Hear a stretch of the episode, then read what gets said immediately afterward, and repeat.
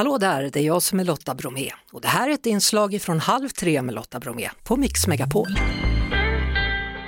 Hörrni, nya säsongen av Idol har ju startat och i veckan så tog Ida Hallqvist ifrån Kil i Värmland tittare och jury med storm och tog sig vidare. Och nu så dominerar hon internet där människor pratar om det som hände på hennes audition. Vi lyssnar. Vi var farliga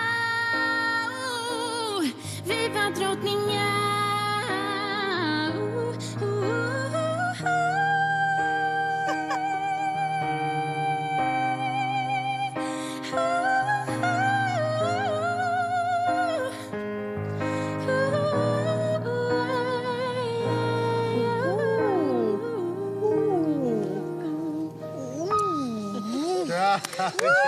Ja, där sitter juryn och där var du Ida. Ja, Och nu är du här. nu är jag här. Var du nervös innan din audition? Alltså något så extremt. Alltså jag mådde fruktansvärt, verkligen. Varför?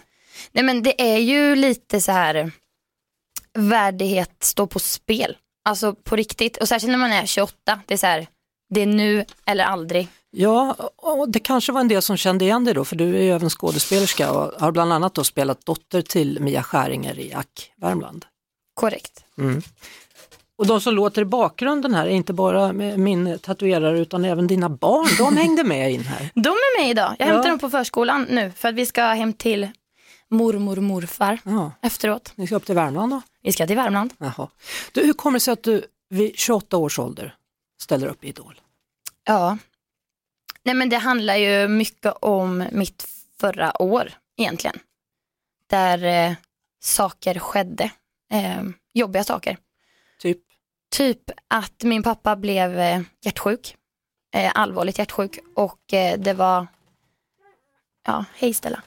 Eh, och att det var, nej men alltså från att man inte har haft döden alls närvarande i hela sitt liv. Alltså väldigt, väldigt skyddad verkstad har jag levt i. Och sen så blir det då pappa. Och sen så vart min eh, stora syster Victoria, eh, som föddes multihandikappad, eh, jättesjuk. Och eh, ja, försvann ifrån oss i november. Så då känner du att nej, det här går inte. Leva det som levas bör. Ja men lite så. Ehm, och det är inte heller med i programmet nu men i, i december valde också jag och tjejernas pappa att separera. Så att det var liksom, det hände ganska mycket. Det är allt på en gång Det här. var allt på en gång. Ja. Ehm, vi har en väldigt fin relation idag och jag är supertacksam. Ehm, men det var, när sådana saker händer så, som du säger, jag lever nu. Jag vill må bra nu. Jag vill vara en glad mamma. Alltså framför allt och då kände jag att så här, nu åker vi. Nu, nu kör vi bara. Du, du är inte orolig sådär hur, hur du ska hinna med barnen? Liksom. Jo tack. För, för vi har ju haft idoler tidigare då, killar som, som har haft småbarn och känt att oj nu är jag så tudelad, jag skulle vilja vara hemma hos mitt barn. och sånt där. Eh, jo men alltså det är ju min största fiende i det här. Ehm, jag tänkte ju aldrig när jag skickade in där eh, halv fyra, en ångestfylld natt, en digital audition, att det skulle sluta här liksom. Eh, så därför blir det ju lite så jättejobbigt. Ja. Nu vet man ju inte om du är med i slutet där eftersom då ska man ju röstas in och så vidare. Precis. Men, men hittills är du ju med. Hittills är jag med och eh, som sagt vi får se vad, vad som händer. Och, eh, men det, det är ju verkligen en liksom, kamp, eh, så här, att jag gör något för mig själv. Fast samtidigt så gör jag det också för att jag vill vara en, en cool morsa kanske Ja, som de ja. vill, kan tycka är lite frän. Typ. Gillar de när du sjunger? Då? Gillar ni när jag sjunger?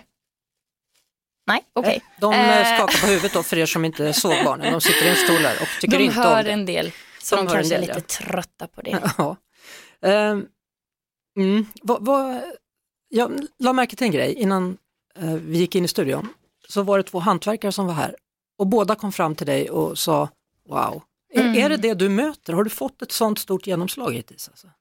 Ja, det, det verkar så. Vad säger folk då? Alltså jag har bara fått, eh, fått otroligt eh, mycket klapp på axeln eller på ryggen eller på huvudet, jag vet inte vad man säger. Men eh, mycket, alltså så otroligt mycket fint så att det är liksom svårt att ta in. Eh, Jag la märke till, eftersom vi har en tatuerare i studion här också, dina tatueringar på din vänsterarm så har du en sån här så kallad drömfångare. mm. Har du fångat drömmen nu? Är det det som sker? Alltså jag har ju det två gånger genom att få två gulliga barn. Men om man ska tänka karriärmässigt så är det väl ändå på gång. Då önskar vi dig all lycka framöver då, Ida Hallqvist. Tack snälla. Det var det. Vi hörs såklart igen på Mix Megapol varje eftermiddag vid halv tre. Ett poddtips från Podplay. I fallen jag aldrig glömmer djupdyker Hasse Aro i arbetet bakom några av Sveriges mest uppseendeväckande brottsutredningar. Går vi in med hemlig telefonavlyssning och, och då upplever vi att vi får en total förändring av hans beteende. Vad är det som händer nu? Vem är det som läcker? Och så säger han att jag är kriminell, jag har varit kriminell i hela mitt liv men att mörda ett barn, där går min gräns. Nya säsongen av Fallen jag aldrig glömmer på Podplay.